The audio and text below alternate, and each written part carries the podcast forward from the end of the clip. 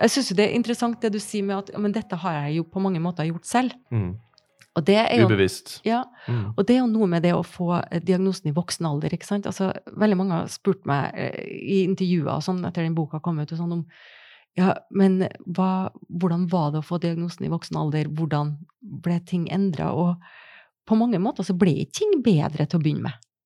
For jeg begynte på medisiner, og både min holdning til det med medisiner og dem rundt meg var jo at ja, men nå er alt bra, så nå kan du fungere opp til ditt potensial. Men ingen, ingen tenkte på, og heller ikke meg, tenkte på ja, men hva vil det si egentlig? Det jeg egentlig trengte å lære meg, var å si nei. Ja. Ikke bare til dem rundt meg, men til meg sjøl òg. Det, det, det gjorde jeg jo ikke. Jeg bare økte aktivitetsnivået.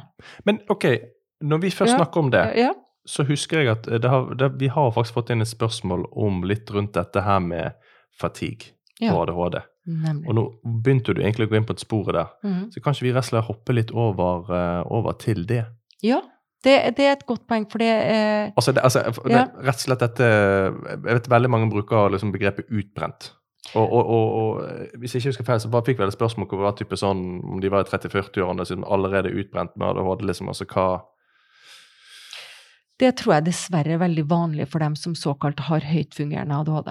Ja. Og det er akkurat dem som da blir skadelidende når de ikke blir henvist. Ikke sant? Fordi de blir da ikke henvist før de har vært sykemeldt i seks måneder med depresjon. Ja. Og så blir depresjonen behandla, men ADHD-en under blir ikke adressert. Nei. Og så humper det av gårde sånn, da. Eh, fordi den her kompenseringa vi gjør hele tida. Altså, vi må jo gjøre ganske mye mentale krumspring i løpet av en dag. Eksempel den her tidsblindheten. Det at man ikke Altså, vi kan jo klokka, men det å skjønne at nå må jeg reise meg hvis jeg, skal klare, hvis jeg må reise meg og slutte med det jeg holder på med nå, for å rekke det jeg skal gjøre. ja, ja, ja. At, det, at det faktisk ikke kobler seg på. Eller at man begynner med noe, og så tar det helt av, for man mister helt eh, oversikten over tiden. Man, man, man, man, eh, skal inn i skapet og finne, finne en bukse, og så plutselig to timer senere så har du ryddet hele skapet. Ja, for eksempel. Ja. Eller, eller egentlig endte opp å skifte lyspære i garasjen, Ja, ja, ikke sant? For at, du, det, for at du måtte ut og hente noe. Ikke sant? Så det er, det er Den tidsblindheten må jo vi hele tida drive og kompensere for. Så samtidig som vi sitter og holder på med noe, så må vi hele tida gå Å, jeg må følge med klokka, ja. Jeg må følge med klokka, ja. ja hva, hva, hva er klokka nå? Ikke sant? Altså hele tida. Sånn og det krever energi. Altså, det, tar bokstavelig talt kalorier, ekstra kalorier, å sitte og tenke på de tingene. Og da blir vi jo mer sliten. Ikke sant? Men, men, men altså la, la oss si eh, OK, har, eh, vi har ADHD, Mm. og så har man gått på veggen. Man har på en Mm. måte møtt den berømte veggen. Man, man er på en måte per definisjon utbrent. Ja. Eh, eh, altså hvis du skal på en måte komme med noe råd rundt liksom, altså hvordan er det man kan øh, hvordan kan man best på en måte prøve å balansere livet sitt, egentlig? For det er egentlig det det handler om. Ja, det Eh, det- og, og, og, og liksom som du sa i sted, egentlig Ja. veldig fint, når du lærte deg å si nei. Ja. Altså, hvis du skal komme med noe råd rundt dette For jeg vet det sitter mange der ute som føler seg utbrent, og gjerne har en blitt sykemeldt, har gått på en smell. Mm. Ja, altså det, det blir jo det her med å forstå hvor alle energilekkasjene er, da. Mm. Vi har mye mer eh, energilekkasjer gjennom en dag. Fordi altså hvis vi skal På den ene siden Altså det, det med å kompensere for ADHD med medisiner, det, det er ikke bestandig like lurt.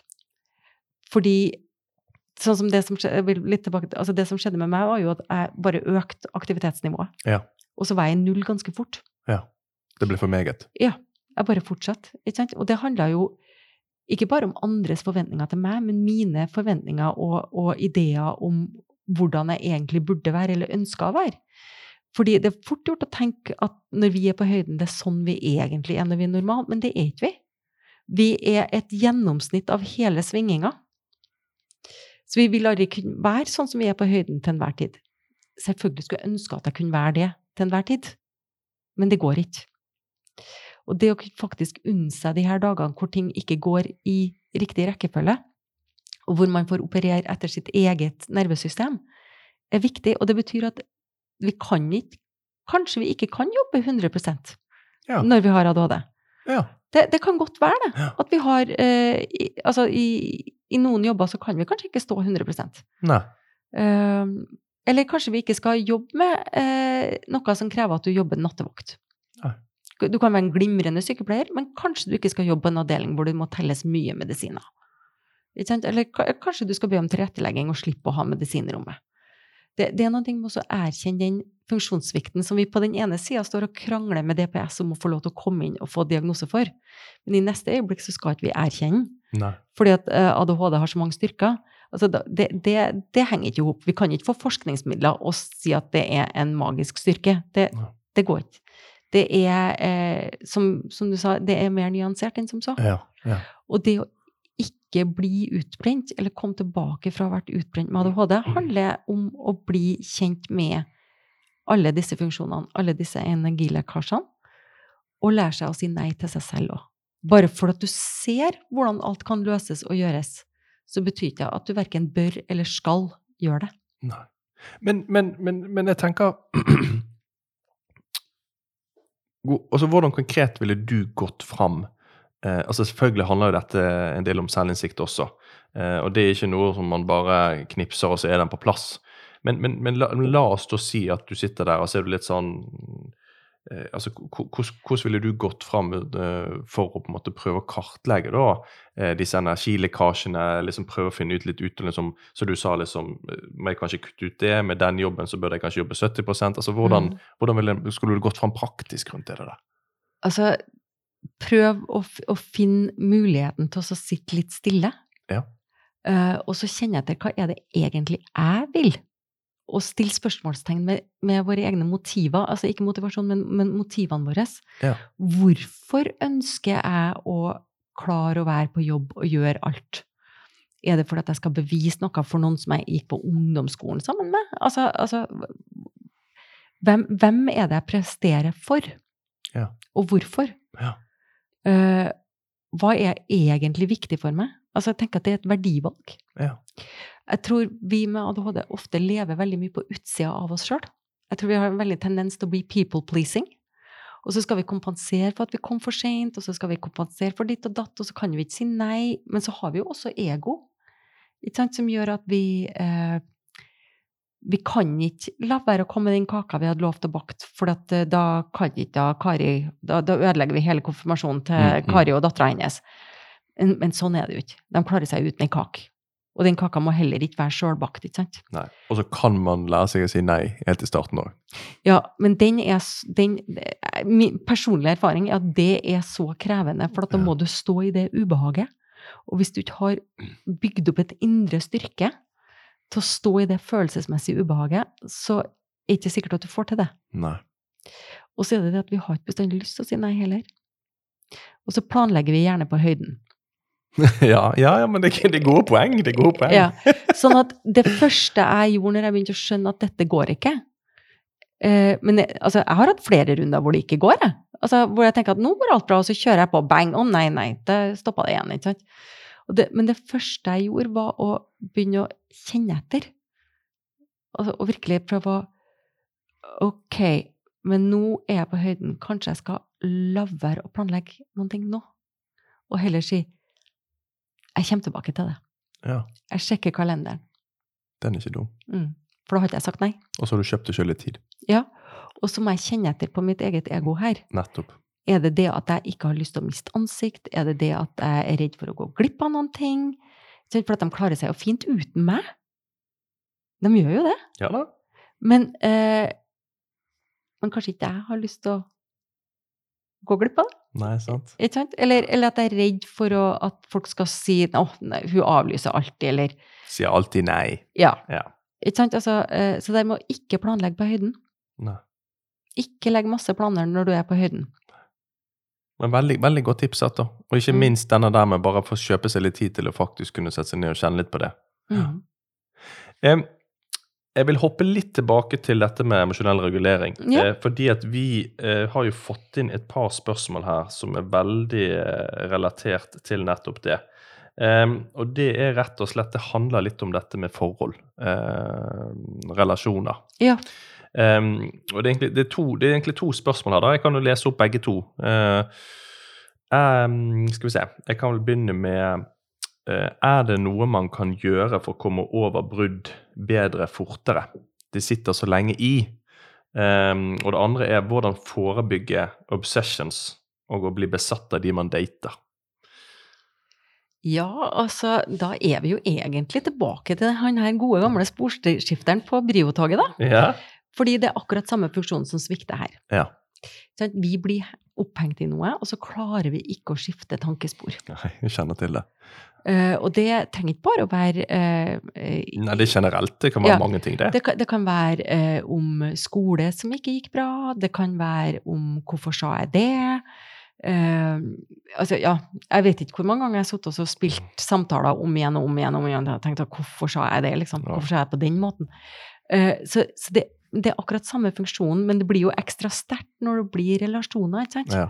For det er så mye mer som reiser på den, det er så mye eh, mer, ikke sant? Man, man, man ønsker seg en ny kjæreste, man har lyst til å eh, være likt. Altså det, den der avvisninga som ligger i å ikke At det ikke er gjensidig, ikke sant? Eh, men så er det også en liten sånn vi, vi lever mye i hodet vårt, og så dagdrømmer vi oss frem til og ser for oss hvordan ting kommer til å bli. Så vi blir forelska i en illusjon, rett og slett. ja. I en mulig framtid. Og når den blir fratatt oss, så er det vanskelig å skifte, for det er jo, det er jo ikke noe reelt. Så det er vanskelig å skjønne at hva man egentlig skal slippe.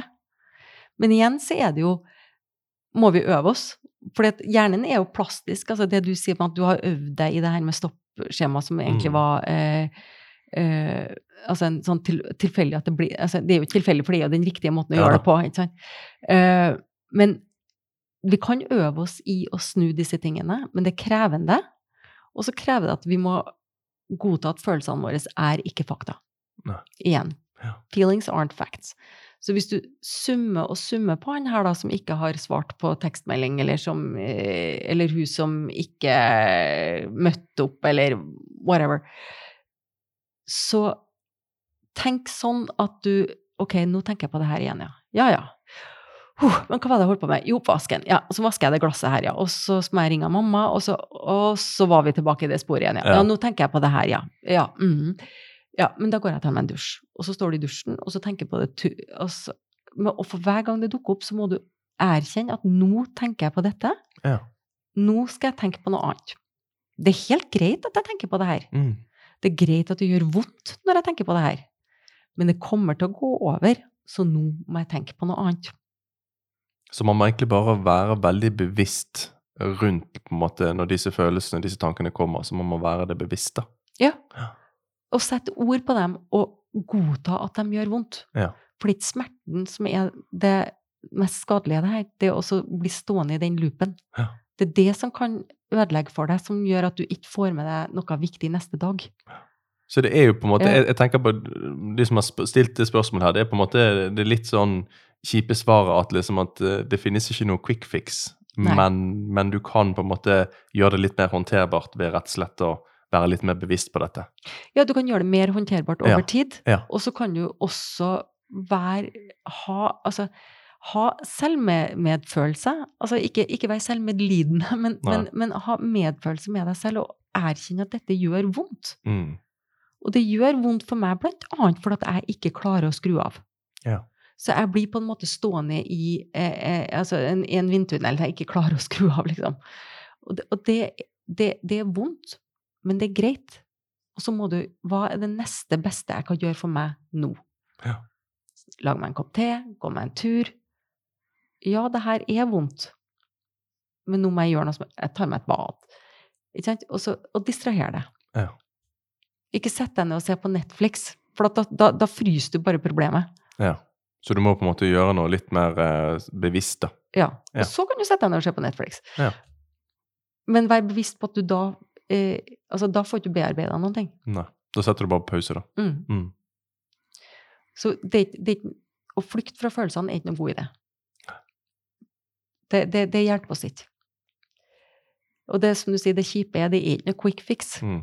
Men den gode nyheten er at dette er en prosess, og hvis du bruker denne teknikken i forbindelse med eh, en kjærlighetssorg, så vil du også kunne bruke en neste gang i forbindelse med at du strøk til eksamen, eller eh, du kan eh, Du blir bedre og bedre på dette. Sånn at når du da har fått en kjæreste, og man har bodd sammen, og man skal krangle om den saccosekken skal ut eller ikke, eller om den eh, stolen skal få bli stående, og sånt, så klarer man faktisk å trekke seg inn og beholde roa og komme seg gjennom den samtalen, Ja. sånn at forholdet ikke ryker. Ja. Så det er en god investering. Ja, Det er en veldig god investering. Men eh, når vi snakker om det, altså, ta sånn for eksempel dette, altså sånn CBT som du snakker om. Eh, er det noe, Finnes det noe kurs på det her, eller er det noe man liksom kan få av psykologen sin eller psykiateren sin? Altså, er, opp, altså, det, la oss si noen sitter nå og tenker ah, CBT, det hø dette høres veldig bra ut, dette har jeg lyst til å lære mer om, jeg har lyst til å få en innføring i det. Eh, hva gjør man? Ja, da er vi tilbake til dette dilemmaet med at uh, man kommer jo ikke inn på DPS når man da er ferdigbehandla. Nei, Nei. for Eh, du kan i prinsippet få opplæring i det der. eh, CBT er jo en sånn veldig spesiell uh, Altså ikke en veldig spesiell, men det er en, spesifikk. det er en spesifikk behandlingsform Mm. som følger en ganske streng protokoll hvis Ja. det skal gjøres helt nøyaktig. Ja. Eh, og så tar man for seg ett og ett problem, ikke sant? og så jobber man etter spesielle manualer. Men man kan også bruke biter av det. Jeg, jeg bruker mye biter av det på meg selv, jeg bruker det på barna mine, jeg bruker det i terapi. Uh, men uh, det er ikke så lett å få behandling, da. Som vi har snakka om. Sant? Mm. Altså, I en ideal verden så skulle jeg gjerne hatt det sånn at mine ADHD-pasienter fikk utredning, og så fikk de psykoedukasjon, helst i gruppe. Uh, og så prøvde vi ut medisiner, og så lot vi det ligge et halvt år, og så kalte vi dem inn igjen, og så hvordan var det med medisinene. Og så også et e- eget skreddersydd opplegg med fysisk aktivitet. Ja, Ja. og så litt CBT, og så, at det var litt inn og ut, og at det var systematisert. For da tror jeg egentlig, i det lange løpet, at vi ville ha spart penger. Det tror jeg òg. Eh, for da har vi, har vi unngått alle disse sykemeldingene, og vi har kanskje eh, Kanskje fått et eh, Altså for at, fått en, en bedre hverdag. Så, for ofte så har jo folk med ADHD de har jo familier. Mm. Eller de er en del av en familie, så alle alle lider jo når én person er i ubalanse. Uten tvil. Uh, så det, det er noe så, men så, så det er ikke så lett å få be om CBT, for igjen så er det jo også egentlig ganske tilfeldig hvem du kommer til når du kommer på TPS. Så det fins folk som har trening i CBT, og så fins det folk som ikke har det. Ikke sant. Eh, og eh, personlig så har jeg jo gått i terapi både i det som kalles psykodynamisk terapi, og CBT, og i helt sånn alminnelig sånn psykoedukativ samtaleterapi. Ja. Og støtteterapi. Eh, og det har jeg hatt like stor nytte av alle delene, Mhm. men på forskjellige måter. Ja. Jeg tror egentlig ikke at det er så viktig hva slags terapitype det er. Jeg tror relasjonen til den du har behandling med, er viktigere. Og det er ikke bestandig sånn at one shoe fits uh, all. Nei. Absolutt ikke. Men, den, er- men, men, men eh, uten at jeg skal avspore helt, liksom, men, eh, men, men den behandler um, pasientrelasjonen, den er helt vanvittig viktig, altså. Ja, og det, det er, jeg, jeg, har sagt det så mange ganger. Jeg har pasienter som har takka meg og ment at jeg har snudd livet deres rundt, men jeg overbevist om at det er folk som har gått fra mitt kontor og tenkt hun der Sjura der, Ja. hun skal jeg aldri snakke med noe mer. Det er jeg helt sikker på. Ja, ja. Eh, for at jeg kan ikke passe for alle. Nei. De kan ha hatt en dårlig dag, jeg kan ha hatt en dårlig dag. Nei. Og det er jo litt sånn ut, det var en dårlig match. Ja, ja, sant? og det er litt sånn, Mm. altså, altså i, min, i, min, arbeidshverdag som, Mm. som ergoterapeut, da, Mm. eh, så er det jo ofte at når jeg, kommer i situasjoner der som det, hvor det akkurat det samme altså Det er jo eh, det å på en måte komme i en, en god posisjon til å hjelpe folk, da, da, må man, da må man klikke. Man må få den kjemien Mm. der. sant? Det blir på samme måte. Mm. Noen ganger så får du veldig god kjemi, andre ganger veldig dårlig. Mm. Som oftest, i min erfaring, så kan man jobbe mye med det. Mm. Eh, men ikke bestandig. Nei. Det er ikke bestandig man får en second chance. Nei. Men når du sier ergoterapi, da, så er jo det noe som jeg skulle hatt mye mer av i ADHD-behandlinga. Ja. Det er mye praktisk fysisk tilrettelegging som kan gjøres for at hverdagen blir lettere for folk. Ja. Og så finnes det jo det finnes jo forskjellige hjelpemidler man kan Mm. bruke med tanke Mm. på dette med å organisere hverdagen sin. Ikke nødvendigvis bare liksom en digital kalender, men liksom også litt strategier og, og Mm. jobbe på en måte med energiøkonomisering. Ja. Hvordan, hvordan skal man fordele kreftene sine? Ja. Der, der er vi egentlig tilbake til det vi snakket om i sted. Sant? At Mm. med, hvis man trenger litt hjelp til å kanskje begynne å kartlegge litt, og Mm. hvor skal man starte? Så. Ja, så, så, så og det, Men det, altså, det, denne mer sånne eh, vi, vide måten å tilnærme seg diagnosen på, det skulle jeg jo gjerne hatt for mange andre diagnoser òg, jeg, da. Ja. Jeg tenker at det er ikke spesifikt for oss med ADHD. Uh, men nå rota jeg meg litt bort igjen. Vi snakka om Jo, nei, men nei, nei vi, Mm. har, vi, vi, vi flyter fint, vi, altså. Okay. Ikke tenk på det. Ja. Men eh, jeg tenker, jeg tenker litt, det passer egentlig fint. Jeg tenker vi kan hoppe litt over til eh, For vi har mange spørsmål her, Ja. så vi får bare hoppe videre. Skal vi se her. Yes. Um, her har vi et spørsmål. Pegasus-kurs. Det er lite informasjon om det. Må man lete det opp selv? Eh, Kan DPS velge om de vil arrangere dette eller ikke? ja, det kan de. Ja. Altså, Pegasus-kurs er jo et, eh, et behandlingsopplegg, en, en manual som er Det er noen som eier det, og så kjøper man det eh, som, nærmest som eh? Lisens. Ja, Ja. lisens, takk. Mm. Uh, og det kan DPS-ene velge selv om de vil gjøre. ikke sant? Og, og, og Pegasus-kurs er jo én gruppebehandling av mange. Uh, så det, det, det er helt tilfeldig om uh, sykehusene kjøper det eller ikke.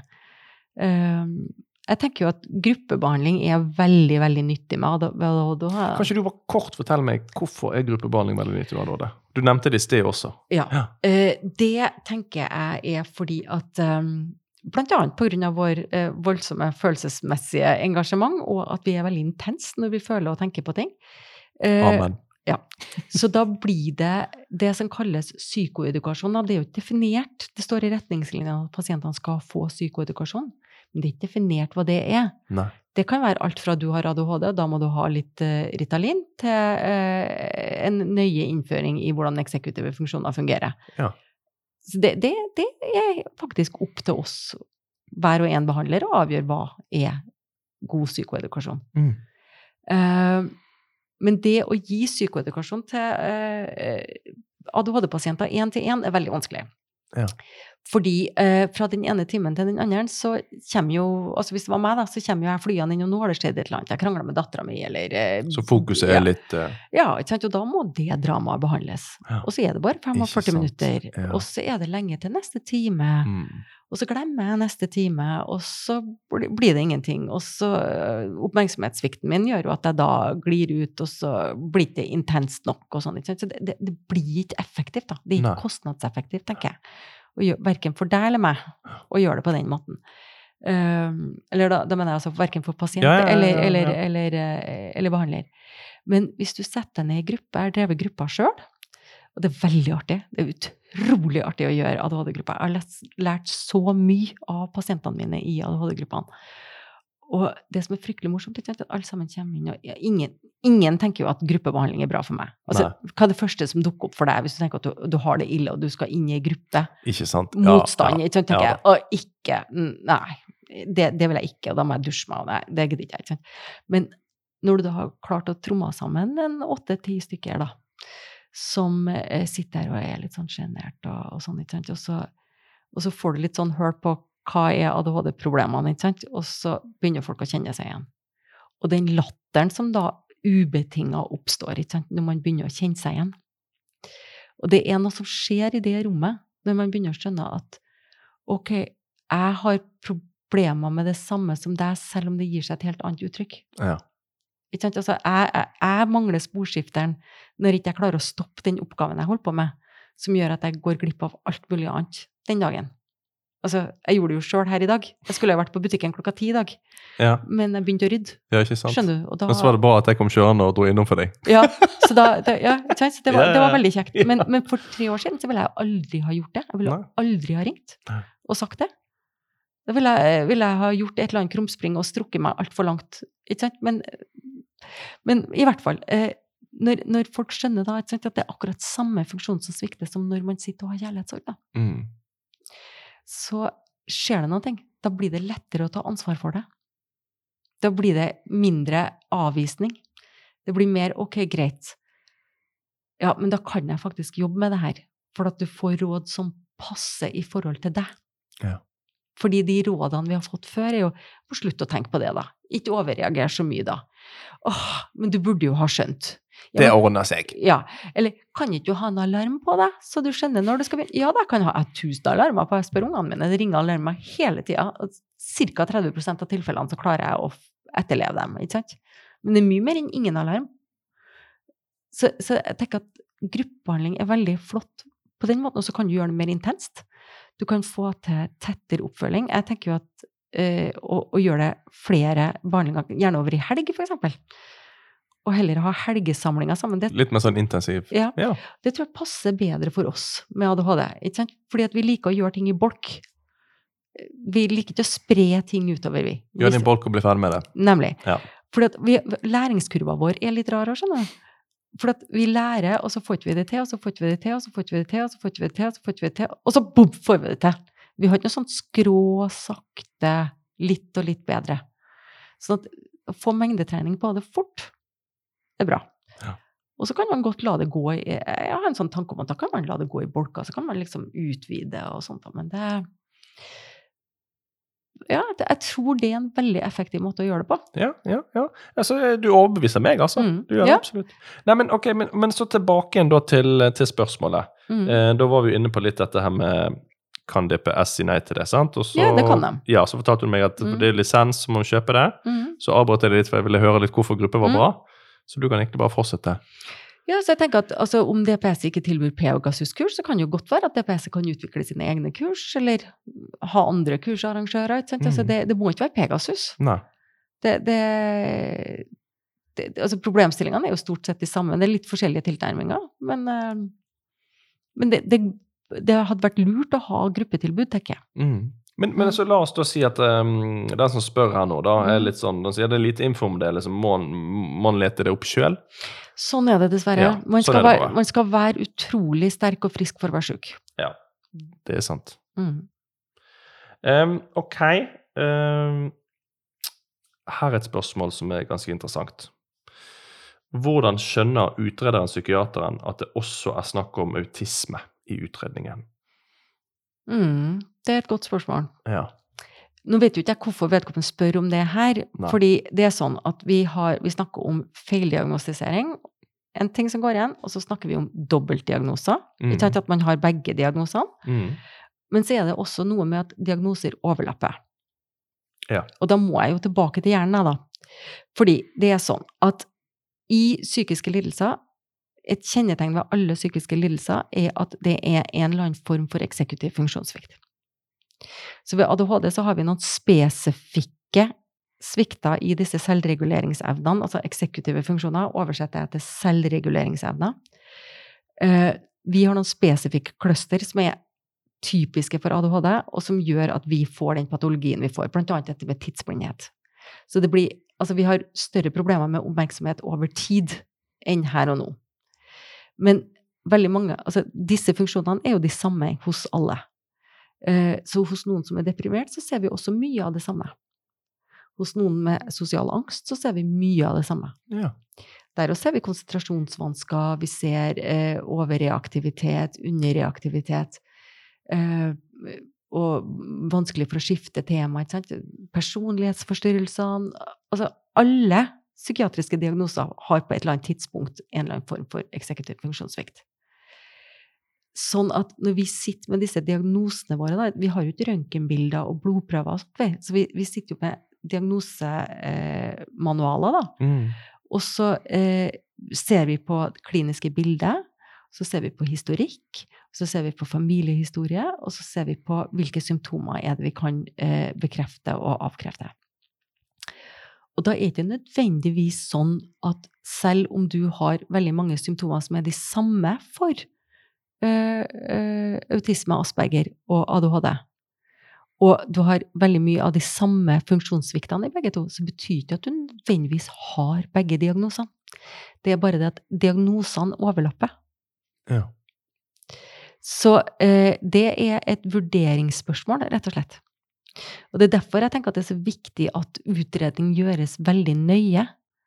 Og særlig tenker jeg akkurat nå når ADHD på en, på en måte er jo en motediagnose akkurat nå. Det er veldig i vinden. Vi snakker veldig mye om det. Det er, det, det, det er nok et stort diagnostisk etterslep. Eh, og mange ønsker å få diagnosen. Og det er nok også mye mer problematisk å le med ADHD i dag i forhold til hva det var for 50 år siden. For samfunnet har endra seg. Absolutt. Og det absolutt. krever mye mer selv, eh, altså selvorganisering å fungere i dagens samfunn. Så funksjonssvikten blir større i dag enn hva den var for 50 år siden. Når det er sagt, så tenker jeg at det å få en ordentlig utredning for disse tingene, at, at du ikke bare har en uh, uerfaren person som sitter og leser skjema, for det blir for tilfeldig, det er veldig synd.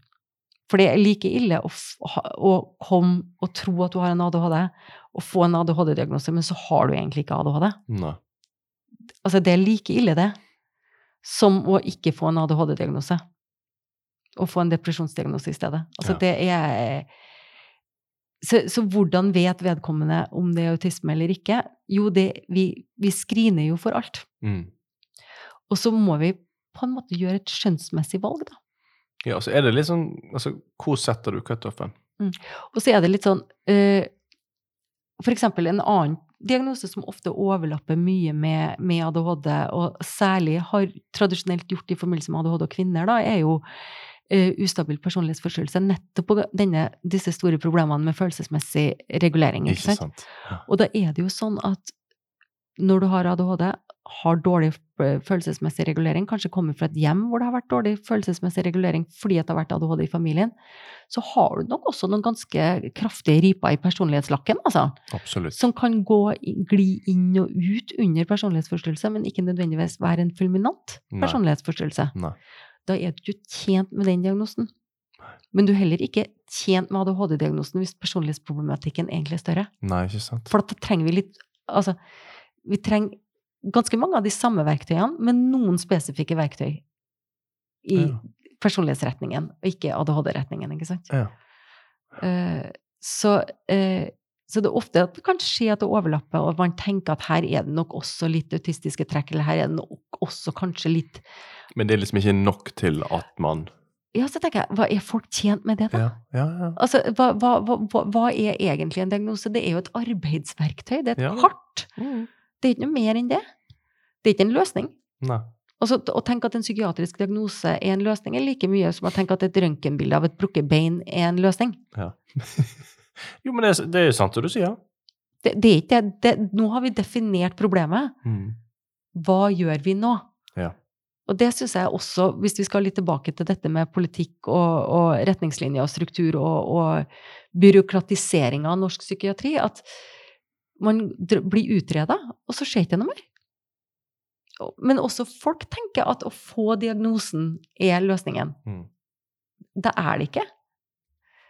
Løsningen kommer etterpå, men, ja, nettopp. men, den, nettopp. men den litt bitre pillen, da, er jo at vi har et stort ansvar sjøl.